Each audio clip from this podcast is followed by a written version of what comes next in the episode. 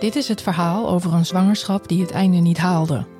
Over wat er gebeurt als je baby zo vroeg wordt geboren dat ze zonder hulp van artsen niet zal overleven. Het gaat over de baby's die vechten voor hun leven en over de ouders die zich staande moeten houden in alle emoties. Over verwachtingen die niet uitkomen en over de periode erna. Podcast Prematuur gaat over de helden van het eerste uur. Ik ben Vanessa. Welkom bij Podcast Prematuur. Vandaag het wonderlijke verhaal van Juda. Hij werd gepland te vroeg gehaald met 31,6 omdat op de echo's gezien werd dat Juda een waterhoofd had en zijn hoofd te groot dreigde te worden voor een bevalling, zelfs middels een keizersnede.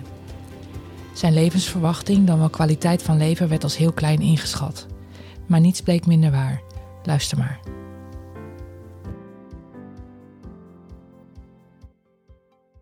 Vertel, eh, wie ben je? Wat is je gezinssituatie? Wat doe je? Waar woon je? Ik uh, ben Mirna, Mirna Tang. Ik uh, woon in Elburg met mijn man Davy en mijn zoontje Juda. En ik ben thuis bij hem. Thuisblijfmama. dus dat is zo fijn. En mijn man is leraar wiskunde ook hier in Elburg. Oh ja, grappig. Ja, ja want uh, ik kom ook uit Elburg ja. oorspronkelijk. Dus ik vond het, uh, ja, eigenlijk wel heel grappig om jou zo langs te zien komen online. Hey, en um, uh, hoe oud is Juda nu? Juda is twee jaar en vijf maanden. Oké. Okay. Ja, bijna tweeënhalf. En kan je vertellen over je zwangerschap en je bevalling? Ja, ja mijn zwangerschap um, was op zich tot 20 weken een goede zwangerschap. Um, ik ben niet heel ziek geweest. Maar ik had wel op een gegeven moment last van lage bloeddruk. Uh, waardoor ik heel snel flauw viel. Dus ik kon op een gegeven moment niet meer werken. Hmm. Um, en uh, ja, maar, maar verder was het een vrij ongecompliceerde, rustige zwangerschap. Uh, tot de 20 weken echo toen, die hebben we in eerste instantie bij een echobureau gehad, uh, want ons verloskundige deed dat niet zelf. En uh, ja, eigenlijk tijdens die hele echo uh, was die man best wel stil. En vaak zeggen ze natuurlijk wel tijdens zo'n echo van, oh kijk, hier is een handje en vingertjes en hier is een neusje. Dan praten ze, vertellen ze een beetje wat ze doen. En hmm. deze man zei eigenlijk niks. Oh. Dus um, ja, dan, dan heb je toch wel een beetje, krijg je toch wel een beetje zo'n gevoel van, zit het, gaat er iets niet goed? Is, is mhm. alles oké? Nou, dan duurt zo'n echo best wel lang. Mhm. Als je daar uh, drie kwartier ligt. Ja, ik wil zeggen, hij zei de hele tijd helemaal niks. Nee, nee. En um, toen uh, was het klaar en toen zei hij eigenlijk, ja, um, ik moet jullie naar het Isala sturen. Want uh, er is iets niet goed uh, in het hoofdje van jullie kindje. En verder mag ik er eigenlijk niet te veel over zeggen. Zo. Ja, dus ja, hij vroeg op een gegeven moment ook nog van... hebben jullie nog vragen? En wij dachten alleen maar, ja, maar we weten helemaal niks. Nee. Um, dus alleen wat moet je dan vragen? Ja. Alleen maar vragen, ja. ja. Maar hij mocht daar allemaal eigenlijk niet echt antwoord op geven. Want hij mocht dan eigenlijk geen diagnose stellen. Want hij is geen arts. En uh, dat is allemaal een beetje ingewikkeld. Dus toen moesten we naar het Isala en daar konden we gelukkig de dag daarna wel gelijk terecht. Ja. Um, het waren wel de langste 24 uur van mijn leven, denk ik. Mm -hmm. um, en ja, in die 24 uur dacht ik alleen maar, de, de, mijn kind gaat dood. Dit, ja. dit, gaat fout. En uh, ja, dat is dus heel angstig was dat. En um, toen kwamen we in die zalen en dan gaan ze die hele echo weer helemaal opnieuw doen. Dus dan ja. uh, lig je daar weer, uh, nou ja, bijna een uur op zo'n bank. Hmm. En toen bleek dat um, Juda heeft uh, hydrocephalus, een waterhoofd. Um, en dat betekent dat in, in alle hersenen en in de hersenkamer zit altijd vocht. En bij Juda is dat ernstig vergroot. Uh, dus op de echo's toen zagen ze eigenlijk bijna alleen maar vocht en bijna helemaal geen hersenen of hersenschors of, of wat dan ook. Jeetje. Uh, dus dat was wel heel heftig. En uh, wat het nog soort lastig maakte is omdat er zoveel vocht was, konden ze het ook niet helemaal goed zien door het Mhm. vocht heen. Ze konden gewoon niet zo diep komen. Dus het, ja, het is best nog wel heel lang onzeker geweest wat er nou wel zat en wat niet. En misschien wel op een andere plek. En, ehm, dus dat, dat was best wel heel erg onzeker. En ehm, vanaf dat moment zijn we eigenlijk elke twee weken naar het Isala geweest voor zo'n echo. Elke, elke keer gingen ze dan weer kijken. Kregen we gelukkig een hele fijne vaste gynaecoloog die, geloof op het gebied van eh, de hersenen op, van, eh, van, van eh, foetussen in de zwangerschap het beste van Nederland is. Dus we voelden ons wel in goede handen. Ja. Uh, en dan gingen ze elke week meten en kijken hoe gaat het dan nu. En op een gegeven moment kwamen we op een punt um, dat ze zei, ja, zijn hoofd is zo aan het groeien. Um, die zit al bijna op uh, de grootte van een hoofdje van een baby van 40 weken. En ik was toen 28 weken zwanger. Mm-hmm. Um, dus ze zeiden, ja, nu komen we op een punt dat je eigenlijk geen veilige bevalling meer kan krijgen als je heel veel langer wacht. Um, dus toen zijn we doorgestuurd naar het WKZ. Want daar is een kinderneurochirurg. Dus hij moest daar geboren worden. Dus, uh, en toen heb ik met 31 weken en 6 dagen een geplande keisnede gehad. Heel gek, dus eigenlijk een geplande vroeggeboorte. Ja. Wist, het was geen verrassing, ik wist dat die kwam. Mm-hmm. Dus ik heb wel, uh, ik kon nog longrijpers halen en, en, en dat soort dingen. Um, en uh, toen is hij daar geboren. Tja. Ja.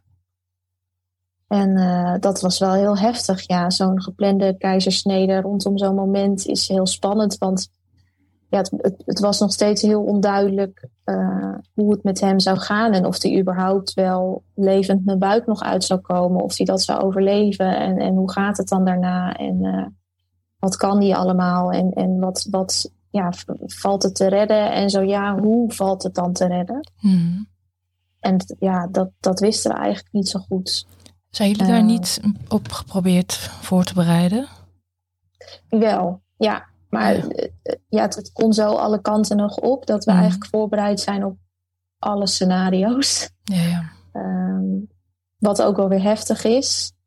Um, maar eigenlijk ging, gingen we erin met het idee van nou, de kans is gewoon groot dat hij het gewoon niet redt. Zo. Dit is, dit is wel het beste wat we kunnen doen nu. Ook voor de druk in zijn hoofd en de druk op zijn hersenen.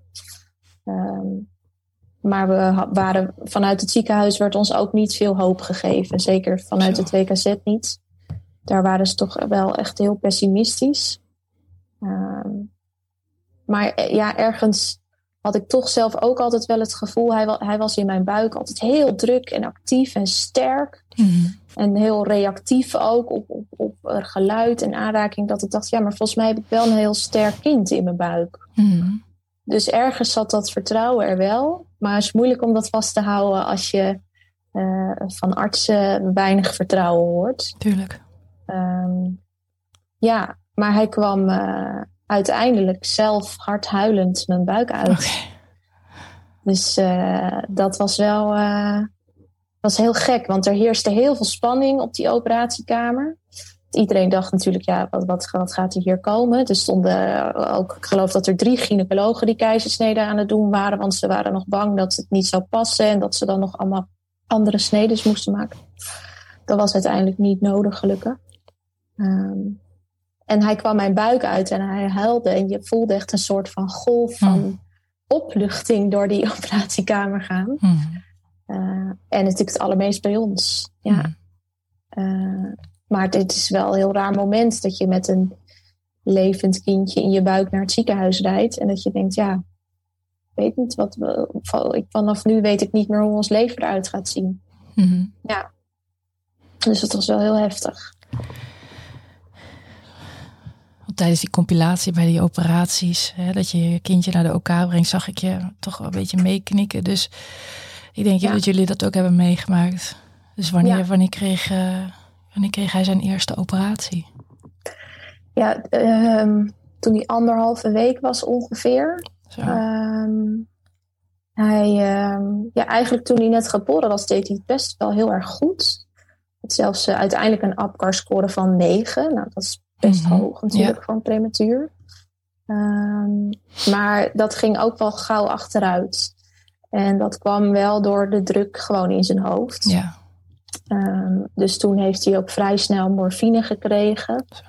Waardoor, ze, ja, waardoor kleine kinderen natuurlijk eigenlijk niet meer zelf kunnen ademen. Want daar raken ze zo versuft. Dus toen is hij inderdaad toch aan de beademing gegaan. Ehm, hij was groot ook wel. Hij woog 2330 gram. Zo. Dus Ja. dat was eigenlijk ook best heftig. Want hij eh, lag natuurlijk in het WKZ tussen inderdaad heel veel kinderen die veel vroeger geboren waren dan hij. Nou, daar leek hij een soort blakende baby. Ja. Alleen het rare was dat hij veel zieker was dan Ja. al die kinderen die veel kleiner waren dan hij. Ehm, dus toen, is hij, eh, toen, toen heeft hij aan de beademing gelegen en ehm, toen heeft, hebben ze eerst een MRI-scan gemaakt, omdat ze graag wilden weten ehm, nou ja, wat de schade was. Nou, die scan was niet goed. Eh, en echt wel zorgelijk. En we hebben veel gepraat met het ziekenhuis over wat gaan we nu doen.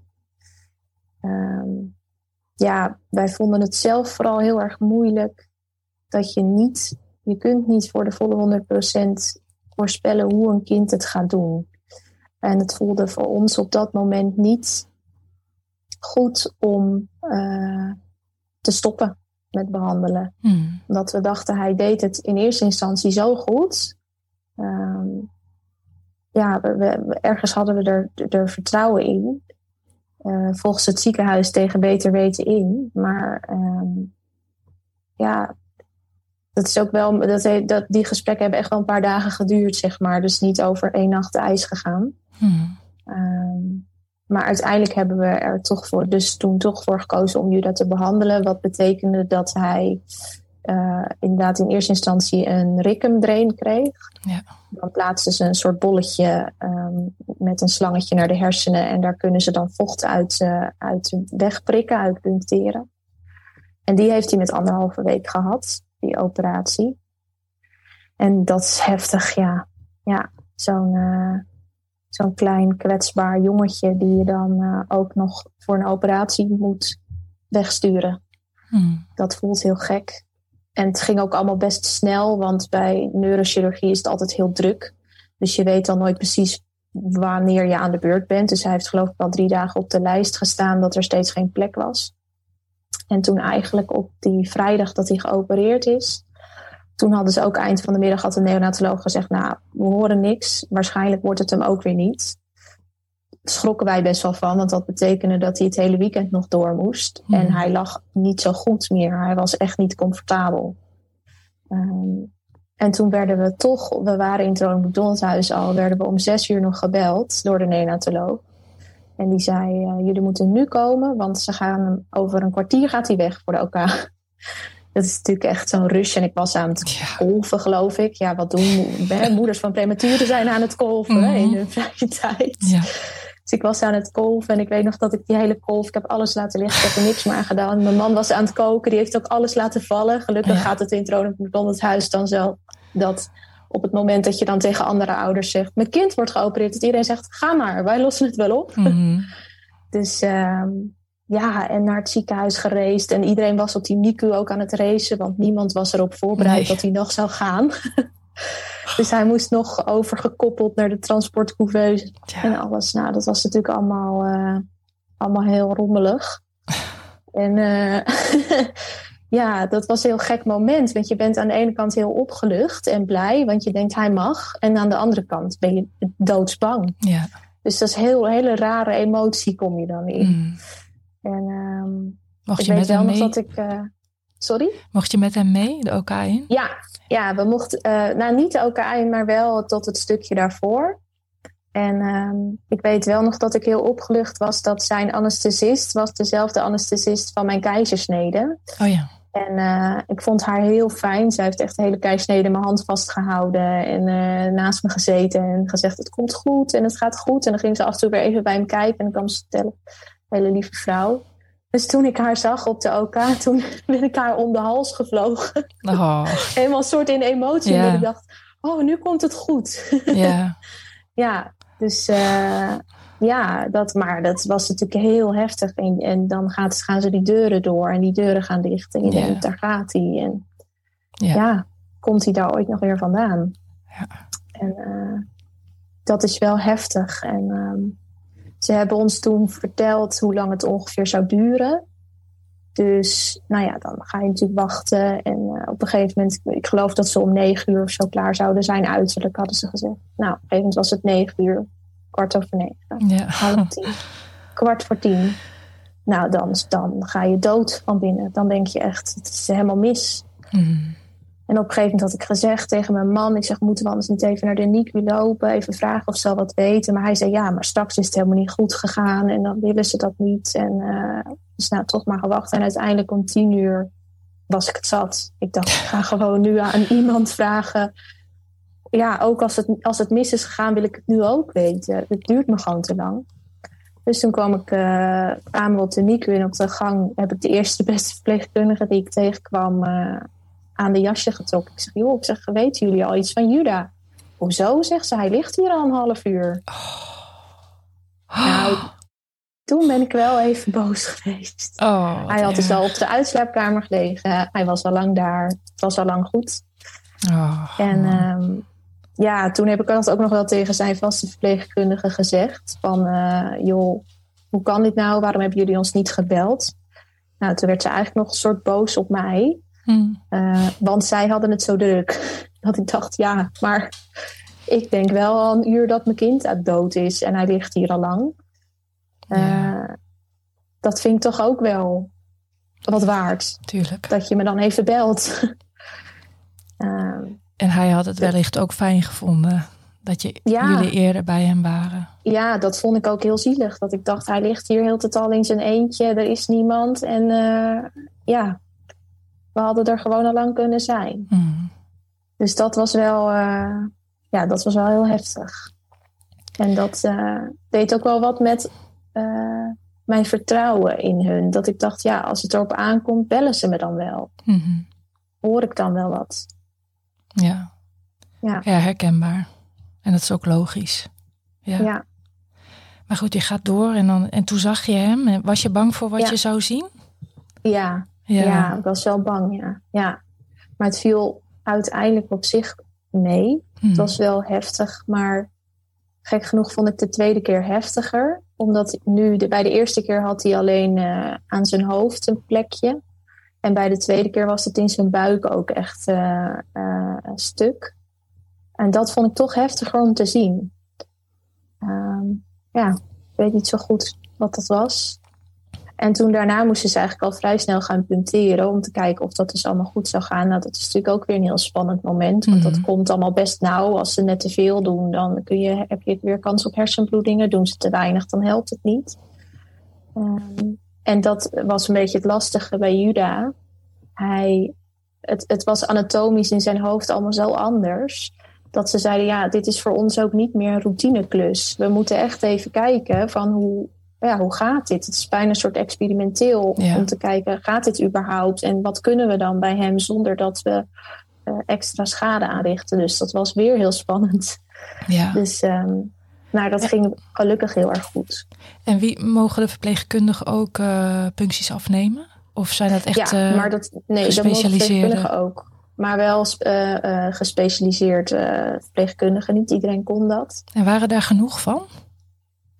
Ja, en uiteindelijk werd ook een van die verpleegkundigen werd ook Judas vaste verpleegkundige. Dat betekende dat zij er sowieso heel vaak was. Hmm. Um, en hij moest twee keer op een dag gepuncteerd. En er was eigenlijk Zo. altijd wel iemand die dat kon doen. Oké. Dus, um, en dan was er een heel team, want er was ook altijd iemand om hem te troosten. En iemand, want wij mochten daar niet bij zijn, omdat ze helemaal steriel veld uh, moeten maken. Ja. Maar er was, uh, er was wel altijd een verzorgende bij om hem ook te troosten. En uh, ook weer iemand om hem goed in de gaten te houden op de monitor. En, uh, ja. Dus dat was altijd wel een heel gedoe. Hmm. ja. En lag hij op zaal? Sorry? Lag hij op zaal? Ik ken het WKZ niet. Uh, ja, het WKZ heeft wel een, heeft wel zaal, inderdaad. Alleen ze hebben ook een soort van gedeeltes uh, die je dan voor een deel kan afsluiten. Elke zaal heeft er één, dat noemen ze de box. Oh, ja. um, en daar lag Juda. Zodat ze dat gewoon dicht konden doen met punteren. Dan Ja. was het ook rustig voor hem. En dan konden de andere ouders ook wel gewoon naar hun kindje Ja. toe. Mm. dus daar heeft hij eigenlijk altijd gelegen, wat het voor ons ook wel prettig maakte, want we hadden daar dus best wel veel privacy. Mm. Dus dat was uh, voor ons ook wel fijn, maar het was vooral ook omdat hij, gewoon echt heel veel rust nodig had. Um, dus ja, tussen de uh, andere kindjes, uh, dat was, ja, dat is voor alle prematuren natuurlijk veel prikkels. Maar um, voor hem was het extra belangrijk dat er gewoon ja. rust was. Want ja. ja, die twee, twee keer een punctie afnemen, ja, dat is, dat is alweer verschrikkelijke ja. overprikkeling voor hem natuurlijk. Daarom. En, die, en die steriele omgeving. Dus het is perfect eigenlijk dat ze dat hebben, die box. Ja, ja super fijn. Ja, dus, um, dus daar lag hij eigenlijk heel erg rustig. En um, ja, wat ik zei, dat maakt het voor ons ook eigenlijk best wel dat we best een rustig plekje hadden op dat moment. Mm. Het is toch wel anders dan uh, als je inderdaad op zaal met gordijntjes en zo zit. Hebben we natuurlijk ook een poos gedaan. Ja. En dat is inderdaad echt zo naar. Mm. ja.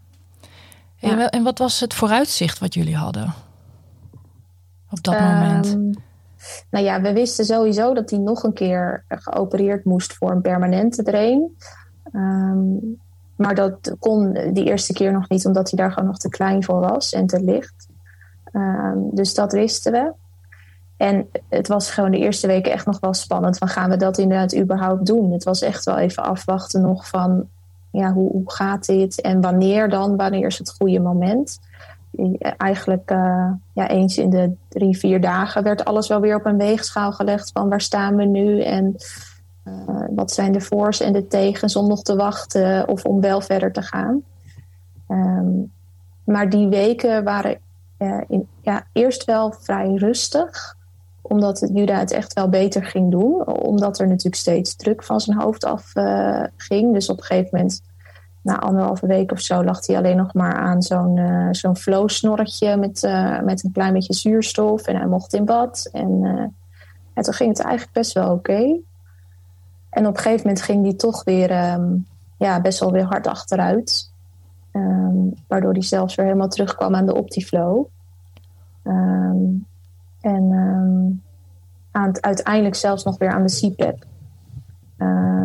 dus dat, ja, dat, dat werd wel het moment dat ze zeiden: ja, nu wordt het puncteren inderdaad zodanig belastend voor hem. Steeds die wisselende druk. Mm-hmm. En hij kreeg ook steeds vaker tijdens het puncteren uh, bloeddrukdalingen of uh, uh, hartslagdalingen, dat soort, dat soort dingen. Mm-hmm. Dus toen kwam, kwam het moment achter. dat we weer ons gingen voorbereiden op elkaar. Ja. ja. ja. ja.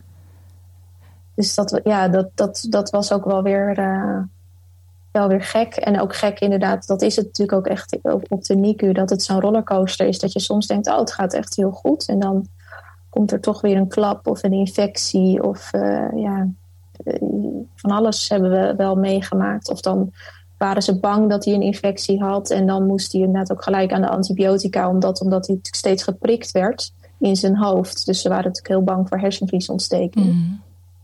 En uh, ja, op, op het laatst was hij, vlak voor zijn operatie, was hij gewoon echt wel heel ziek. Was hij echt wel, zakte hij regelmatig weg ook in onze armen en werd hij helemaal grijs. En uh, ja, dat, dat is wel echt doodeng. Mm. En dan is het eigenlijk, toen voelde het niet meer fijn om in zo'n box te liggen, omdat je toch iets verder weg ligt van de mm. verpleegkundige. Dat we ook dachten, ja, als het dan gebeurt, zijn ze er dan wel op tijd mm. en, en, en hebben ze het allemaal wel door. Dus dat was wel echt uh, een spannende periode ook als we dan in het Ronald McDonald huis waren. Je bent nog zo dichtbij, maar toch heel, heel ver weg. Mm, ja. ja. Dus dat, dat vonden we ook wel weer heel heftig op het laatste. En ook wel, hij kreeg toen ook wat meer wisselende verpleegkundigen. En dat maakt het ook wel weer lastig, want die kenden hem dan niet goed. En de een die zei dan dit en de ander zei dat. En zijn vaste verpleegkundige zei, nou, het komt allemaal wel goed. En de andere verpleegkundige zei, nou, ik vind wel dat hij er heel slecht bij ligt. Ja, en, ja daar word je ook heel onzeker van. Ja. Dus dat was, ja, dat was echt heel onzekere tijd. En uh, heel naar. Mm. Ja. En toen uh, hij zes weken was, toen ging hij voor zijn tweede OK. Okay. Voor de permanente drain. En uh, dat was ook wel weer een wachtspelletje. in de ja. zin van uh, dat we inderdaad s ochtends om negen uur al in het ziekenhuis zaten. En uh, geloof pas om drie uur s middags werd hij gehaald. En dan belden ze ook steeds: nee, we komen er echt nu bijna aan. Nee, we komen er echt nu bijna aan. En nou, dat was natuurlijk niet zo. Waren we nu wel iets meer op voorbereid, dat scheelt. Maar ehm, toen we net wegliepen om even te gaan lunchen, toen kwamen ze echt. Ja. dus, ehm, en toen mocht ik wel mee naar de OK bij die mhm. tweede keer. Dus toen ben ik wel mee geweest dat hij eh, onder narcose ging. Hoe vond je dat? dat uh, ja, super heftig. Mhm. Ja, ja. Ik, ik wilde het gewoon heel graag uh, voor Juda. Ja. Dat ik dacht, ik wil er gewoon bij zijn voor hem. Maar voor mezelf had ik het liever nooit meegemaakt. Mhm. Het is gewoon echt wel een heel heftig beeld. En ze reageerden er natuurlijk ook wel even op. En er moet in eerste instantie natuurlijk van alles uit het gezicht. En dan deden ze lomp aan die zondeslangen trekken en zo. Dat ik dacht, pas nou op, want straks spuugt hij, weet je wel. Mhm. Eh, of straks doe je een pijn, want dat was, is natuurlijk hartstikke naar. En hij had twee zondes, één in zijn maag en één in zijn duodenum, in zijn darm. Dus nou, daar zaten ze aan te trekken en te doen. En ik dacht alleen maar, nee, pas nou op. Mhm. en ehm, ja, ze reageerden natuurlijk wel op zo'n kapje op hun gezicht en uh, wegdraaien. En uh, ja, dat is wel echt super naar. En daarna moet je zelf ook heel snel weg alweer. Dus ja, dat, dat vond ik nog heftiger dan de eerste keer. Maar ik wilde het graag voor hem. Dat is, dat is ook natuurlijk wel wat er gebeurt. Dat zul je ook wel herkennen. Dat je in zo'n overlevingsstand komt op een gegeven moment dat je bij alles denkt, ja, tuurlijk wil ik dit niet, maar ik wil het wel, want ik wil bij mijn kind zijn. Hij heeft mij nodig. Ja, je gaat elke keer al je grenzen over. Elke keer, ja. elke keer strekt het zich uit. Ja, dus um, ja, en die, die tweede operatie ging eigenlijk heel snel. Toen werden we wel gebeld. Mooi. ik heb dat ze toen ook wel echt tien keer op het hart gedrukt, geloof ik. Iedereen mhm. die ik tegenkwam die ermee te maken had, heb ik gezegd: uh, je moet ons echt bellen als het klaar is, direct. Ik wil het direct weten. Dus, um, en ja, die operatie ging heel goed. En toen knapte die eigenlijk heel snel op.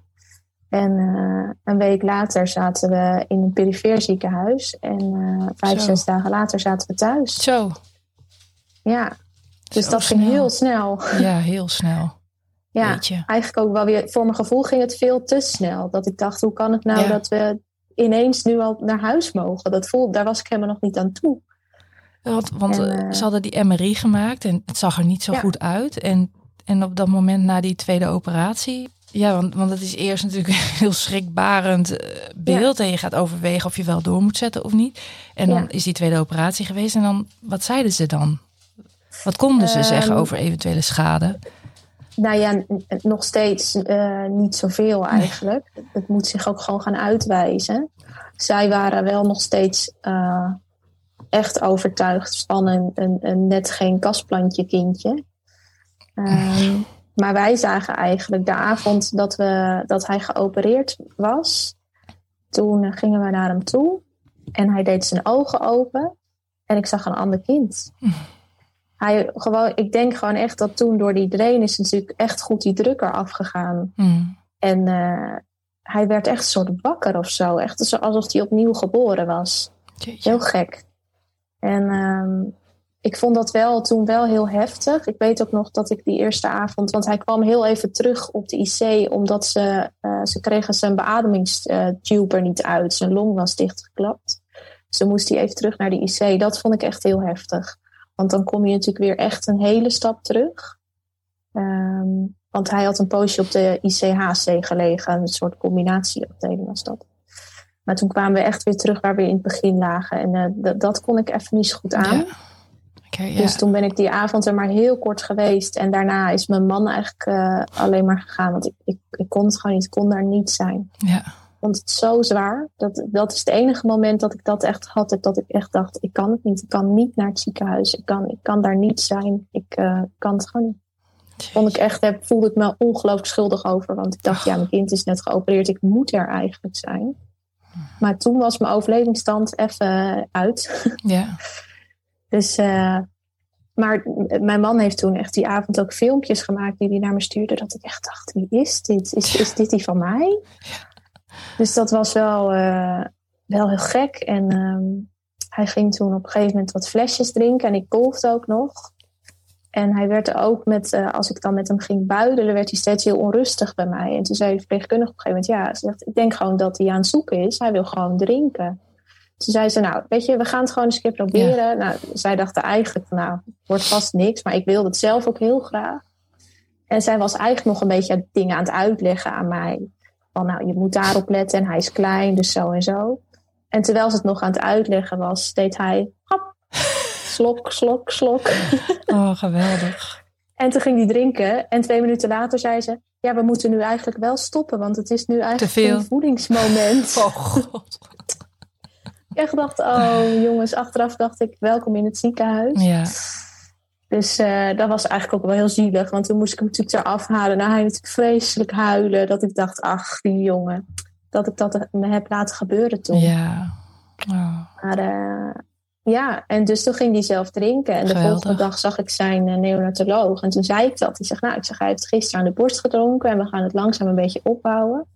Nou, ik geloof niet dat ik iemand ooit zo verbaasd heb zien kijken. Ja, dat, dat dat kon. Ja. Oké, oké. Nou, zei ze toen. Wie weet verrast hij ons nog. ja, dus... Um, en toen ging het eigenlijk heel snel. Vanaf dat moment uh, voelde hij zich goed. En hij had op zich verder ook, dat zei de neonatoloog ook altijd, hij heeft sterke longen, zijn hart doet het goed. Dat is het punt niet. Het gaat in zijn hoofd niet goed. En vanaf het moment dat ze die druk konden oplossen, uh, ja, gingen, gingen al die functies natuurlijk heel hard vooruit. Um, maar het voelde voor ons als een hele grote stap. En ook wel gek, omdat je toch naar het ziekenhuis bent gegaan met de gedachte: mijn kind sterft waarschijnlijk bij de bevalling en anders waarschijnlijk daarna. Mhm. Dus ja, je, je, je hebt je helemaal niet ingesteld op naar huis gaan met een kind. En ik weet nog dat ik op een gegeven moment dacht: Goh, die kinderwagen die ik thuis heb staan, die ga ik dus wel gewoon gebruiken. Dat gaat geen pijn doen als ik hem zie, want daar gaat gewoon mijn kind in liggen. En uh, ja, dat, dat, dat is zo raar. Raar emotioneel en, en, blijdschap en verdriet door elkaar heen. En uh, ja, het voelde heel raar om naar huis te gaan heel uh, onwerkelijk en ergens ook nog wel een beetje onveilig. Mm Überhaupt al naar een perifeer ziekenhuis waar inderdaad niet meer de verpleegkundige 24-7 bovenop jouw kind staat. Mm Waar je ineens in een kamertje ligt zonder monitor en uh, dat je denkt, oké, wie, wie let er nu dan op hem? Ja. Toen mochten we daar wel slapen, gelukkig. Maar um, ja, die stap voelt dan zo snel ineens en, en zo groot. Hmm. Daar waren we eigenlijk, wij waren eigenlijk nog niet klaar voor, maar hij was er wel echt klaar voor. Ja.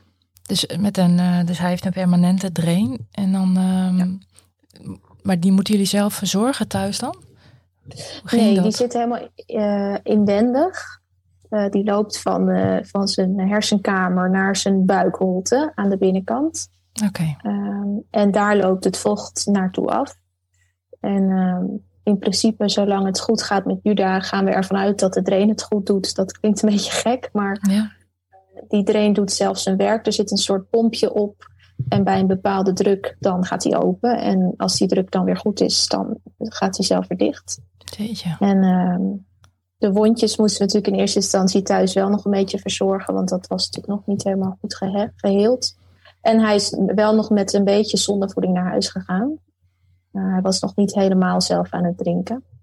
Um, dus dat, maar dat heeft maar een week geduurd of zo, heel kort. Mm. Dus uh, we kregen gelukkig uh, uitgestelde kraamzorg. Oh ja. En het geluk wat we hadden, dat wisten we helemaal niet, is dat zij ook lactatiekundige was. En het was echt een doorgewinterde kraamzorg. kraamzorg. Mm. Dus ja, zij wist heel goed wat ze, wat ze moest doen. En uh, zij, ja, zij keek natuurlijk ook weer met andere ogen naar Juda. En zij zei, ja, ik zie gewoon een baby van 40 weken met wie het in principe goed gaat. Mm. Hoezo krijgt dit kind nog zonder voeding? Okay. dus zij was eigenlijk, eigenlijk sprak zij gelijk heel veel vertrouwen uit. Dat mm. vonden wij natuurlijk hartstikke eng. Maar uh, ja, zij heeft hem echt uh, binnen een week had ze hem helemaal aan de borst en helemaal van de zonde af. Zo. Dus dat ging super snel. Ja. Ja. Ja. Dus ja, dat, dat, dat was wel, uh, dat waren hele intensieve twee weken, zeg maar. Twee ging weken, allemaal heel ja. snel en gebeurde heel veel. Ja, ja. ja. Vanaf dat hij uh, geopereerd werd. Hoe ging het daarna thuis? Ging de kraamverzorgster um, weg? Ja, de kraamzorg ging weg. Ja, ja dan, dan, dan val je wel een beetje in een gat. Dan denk je, oké, nu is er niemand meer die, uh, die op hem let. En ja, dat vond, ik vond dat wel heel spannend. En we waren ook wel echt een beetje um, gehospitaliseerd. Mo moeilijk om, om cijfertjes los te laten. En we gingen mm. hem elke dag wegen, wat helemaal nergens op slaat. Mm. Maar uh, ja, moeilijk om dat allemaal los te laten wel. Dus daar moesten we echt een beetje vertrouwen in krijgen.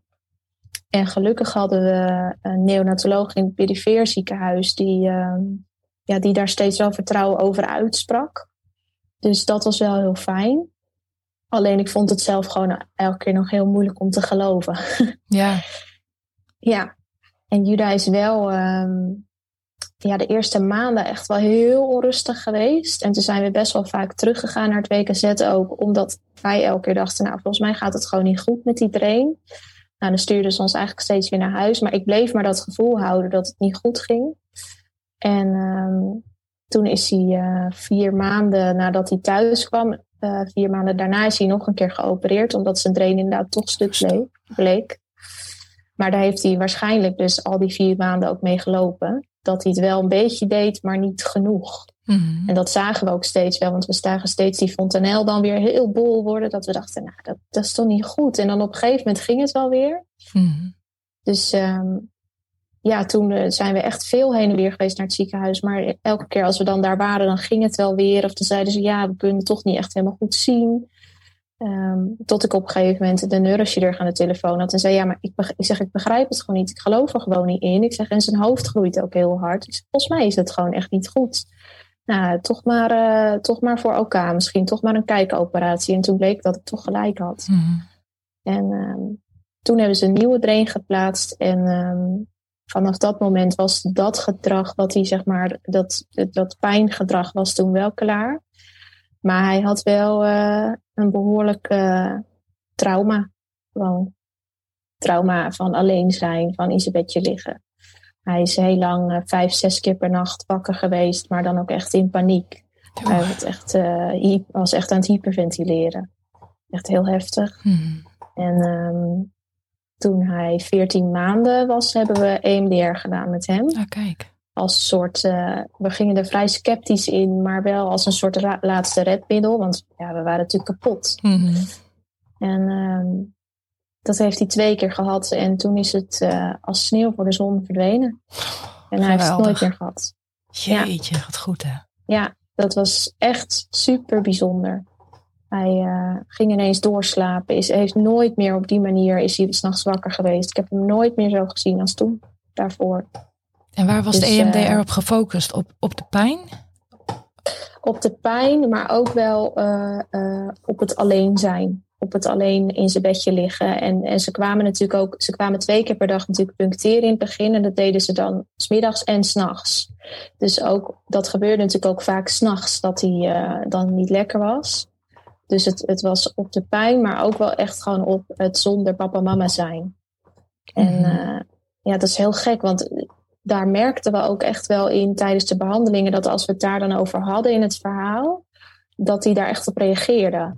Kon je echt heel duidelijk aan hem zien. Of dan, dan knelde hij zijn vuistjes ineens samen. Of dan greep hij me ineens heel erg vast. Mm. Dat je echt die spanningsopbouw bij hem ook kon merken. Dat ik dacht, oh, dit is echt wel bijzonder hoe, uh, hoe dit werkt. En dat preverbaal trauma dus echt niet ineens zomaar weggaat. Mm-hmm. daar, daar, daar, moet je wel echt wat mee. Dat lost zich niet vanzelf op. Mm-hmm. Dus um, ja, ik vond dat heel bijzonder. En ik ben er echt ook heel dankbaar voor dat we het gedaan hebben. Want we kregen er echt een heel ander jongetje voor terug. Ja. Vonden jullie dat moeilijk, jij en je man, om te doen, de EMDR? Ja, ook wel. Um, uh, je, je moet natuurlijk toch wel weer op een andere manier uh, het gaan verwerken. Ik was zelf al wel in therapie en ik had zelf ook wel wat EMDR gedaan. Niet zoveel, omdat ik het best wel heftig ook vond al. Hmm. Um, maar ja, dan ga je voor je kind ga je natuurlijk echt kijken vanuit het verdriet van je kind en de eenzaamheid van je kind en de angst van je kind. Nou, dat is natuurlijk super confronterend. Ja. Um, dus dat is wel, vond ik wel pijnlijk. Um, hmm. Tijdens de behandeling zelf vond ik het wel oké, okay, was ik eigenlijk wel rustig. Maar van tevoren en, en met het verhaal schrijven, dat vond ik best pittig. Ja. En ook wel achteraf toen het gewerkt had, dat ik dacht, je hebt dus al die maanden gewoon last gehad van een trauma. Uh, uh, terwijl je nog maar zo klein en kwetsbaar bent. Mhm. Die, dat vond ik ook wel confronterend, dat het zo lang geduurd had voor hem. En dat, hij zich, dat het dus echt een trauma was waar hij zo verdrietig van was. Mhm. Dat uh, vond ik ook wel heftig om te beseffen. Mhm. Ja. Het lijkt me ook niet makkelijk om. Nou ja, dat is natuurlijk het werk van de therapeut, maar om erachter te komen wat dan het probleem is. Ja, dat is ook best wel moeilijk bij, uh, bij baby's natuurlijk en bij jonge kinderen. Um, dus uh, ja, het, het, het, is, nou, het is niet echt trial and error, maar um, het is wel, uh, je moet het proberen. Mm. Um, en, en, kijken of het werkt en of het aanslaat. en ja, aan de ene kant is het moeilijk en aan de andere kant uh, alle baby's die in het, hun eentje in het ziekenhuis liggen en vervelende dingen meemaken, vinden dat heftig. Dus um, in die zin is het ook wel weer voor veel kinderen misschien ook wel weer hetzelfde uh, mm. in dit soort situaties.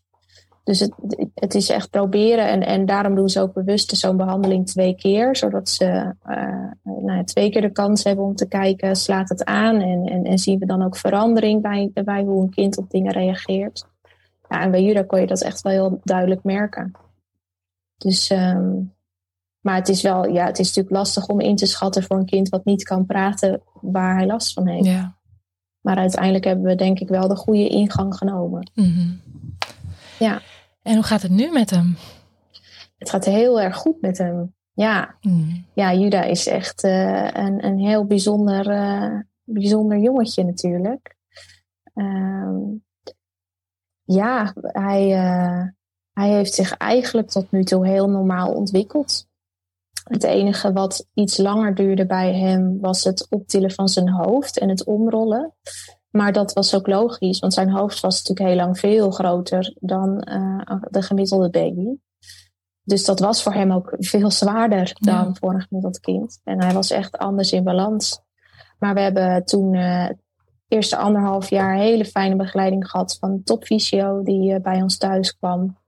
En zij um, heeft eigenlijk ook vanaf het begin steeds zo ingestaan dat ze, zeiden, dat ze zei, ja, we hebben allerlei diagnoses en, en hè, er is van alles met u aan de hand. Maar we gaan gewoon stap voor stap kijken hoe het gaat. Kijken of die reageert, kijken uh, of die iets oppakt, kijken of we de volgende stap aan kunnen bieden. Uh, dus zij is eigenlijk ook heel erg vanuit vertrouwen met hem aan de slag gegaan. En uh, ja, dat, dat ging eigenlijk heel goed. En, en vanaf het moment dat dat omrollen, omrollen wel lukte, uh, ging dat eigenlijk allemaal uh, heel rustig verder. En heeft hij uiteindelijk die achterstand zelfs nog wel een beetje ingehaald. Want hij was uiteindelijk wel nog ja, tussen aanhalingstekens op tijd met lopen. Hij liep net voor 18 maanden. Hmm. Dus um, ja, en, en nu uh, loopt hij zelfs in bepaalde dingen best wel een beetje voor. Hij praat al heel goed en heel veel. Hele zinnen komen eruit, hele verhalen. En hij herkent al allerlei letters en cijfers. En, uh, dus het, het is juist eigenlijk een heel pinter jongetje. Hmm. Um, wat natuurlijk heel bijzonder is. En uh, waarvan eigenlijk niemand goed kan begrijpen waarom dat zo is. Want als je aan de binnenkant van zijn hoofd kijkt, dan denk je dat dat klopt eigenlijk helemaal niet. Uh, maar toch is het wel zo. En uh, ja, daar zijn we natuurlijk super trots op. Ja. Elke stap die hij maakt. Uh, voor alle ouders is het natuurlijk bijzonder als een kind een ontwikkeling doormaakt. Maar voor ons is het, is het bijna een wonder steeds. Ja. Dat we denken, wow, hij doet weer iets. En ik weet nog, nou, zelfs nog dat hij voor het eerst lachte. Dus dat hij echt contact maakt. Dat hij echt naar mij zag en naar me lachte. Nou, ik heb echt staan huilen boven de commode. Echt dacht, wat gebeurt? Wat overkomt me nu? Hij mm. ziet me dus blijkbaar goed. Hij reageert op mm. wat, wat hij ziet. En dat is eigenlijk nog steeds altijd wel zo. Elke keer als hij weer iets kan, dan uh, horen daar uh, vreugdetranen bij. Ja, ik zit ook al in tranen. Het is zo mooi, want je hebt eigenlijk, hij heeft, hij heeft iedereen verbaasd doen staan. Ja, hoe, hoe, reageren die artsen? Heb je daar nog ooit wat van teruggehoord weer? Nou, ehm, in het WKZ zijn we niet meer zo vaak geweest. Hm, jammer. Ehm, dat gaan we nog wel doen. Mhm. maar dat is ook natuurlijk wel weer een stap. Ehm, ja, als je, als je de- zeker de artsen in het WKZ waren zo pessimistisch. Mhm. En, en ja, we hebben ook echt wel moeten strijden soms voor dingen. En dat, dat is natuurlijk best wel moeilijk. Hm, Ehm, dus om daar weer naar terug te gaan en, en dan in gesprek te gaan hierover, vind ik best. Ik denk dat ik daar gewoon nog niet aan toe ben. hm, Ehm, maar ik ben wel eh, toevallig deze week zijn we in het Isala ziekenhuis terug geweest, Mm. waar het hele verhaal begon. Om eh, daar met de gynaecoloog daar eh, eh, een gesprek te hebben. En dat was een heel fijn en open gesprek. Ehm, ja, en, en te verklaren is het natuurlijk niet. Ieder, ieder kind is anders. En ehm, waarom het dan met Judah zo goed gaat, ja, dat, dat weten we niet. Ehm, maar zij vond het wel echt super bijzonder. Ja. En dat is natuurlijk voor zijn de kinderarts uit het ziekenhuis hier in de buurt is dat ook zo. Dit, voor haar is het ook heel bijzonder om te zien dat, dat hij van zo'n kwetsbaar mannetje naar zo'n eh, grote dappere peuter is, eh, is gegaan. Ja. Dus ehm, dat is voor alle mensen die eh, bij hem betrokken zijn natuurlijk zo. Hm. Ja. Dus, ehm, maar we gaan ooit nog wel eens terug naar het WKZ, denk ik. Maar Mm. eh, daar moet ik zelf nog eventjes even wat meer rust over vinden, denk ik. En dat is ook goed. Hm. Er is ook tijd. Tot slot. Ja, Wat zou je ouders van prematuren willen meegeven? ehm, ik zou ouders van prematuren meegeven ehm, dat je altijd wel hoop mag blijven houden. Ehm, en ook vertrouwen. En, en dat, dat iedere eh, stap, ik, gewoon iedere stap vieren. Dat, dat is wel wat ons ook het meest geholpen heeft. Al is het nog maar een, een super klein, klein stapje voor je gevoel. eh, koop een taartje, blaas een ballon op. Wij, wij, wij doen dat echt. En dat, eh, ja, dat maakt dat je er ook echt bij stilstaat. En dat, het, eh, dat juist dat positieve weer een deel van jezelf wordt. En ja, de- hou, hou, hou hoop gewoon. Hm. Want er kan echt heel vaak meer dan, eh, dan de artsen soms denken. Hm. Dankjewel. Hoe rustig en beheerst Mirna vertelt, hoe harder haar verhaal binnenkomt. Juda een kastplantje. Als je Mirna's feed op Facebook bekijkt, zie je dat Juda een vrolijk en slim ventje is. Je kan je niet voorstellen hoe die kloof mogelijk is. De kloof tussen wat artsen als levensverwachting inschatten en de realiteit. Noem het een wonder of een mooi voorbeeld van dat de medische wetenschap niet zwart-wit is. Hoe dan ook, Mirna en haar man hadden vertrouwen en voeren daarop. Toen Juda na zijn vaste drainoperatie even terug moest naar de IC, kon Mirna er even niet meer zijn. Ze vond het te zwaar. Het bracht mezelf direct terug naar onze NICU-zomer van 2018. Hoe vaak kon ik er soms niet zijn? Mijn hele hoofd en lijf schreeuwden soms dat ik weg moest, gewoon verdwijnen. Ik kon het niet meer aan. Maar dan zat ik in het Ronald McDonald, had ik een uurtje rust gehad en dan voelde ik me al verscheurd. Ik verdwijnen terwijl Vince juist vocht om bij ons te kunnen blijven, dat kon niet. En nou blijkt dat je toch meer aan kan dan je zelf denkt. Podcast Prematuur over de helden van het eerste uur. Gemaakt door mijn mama.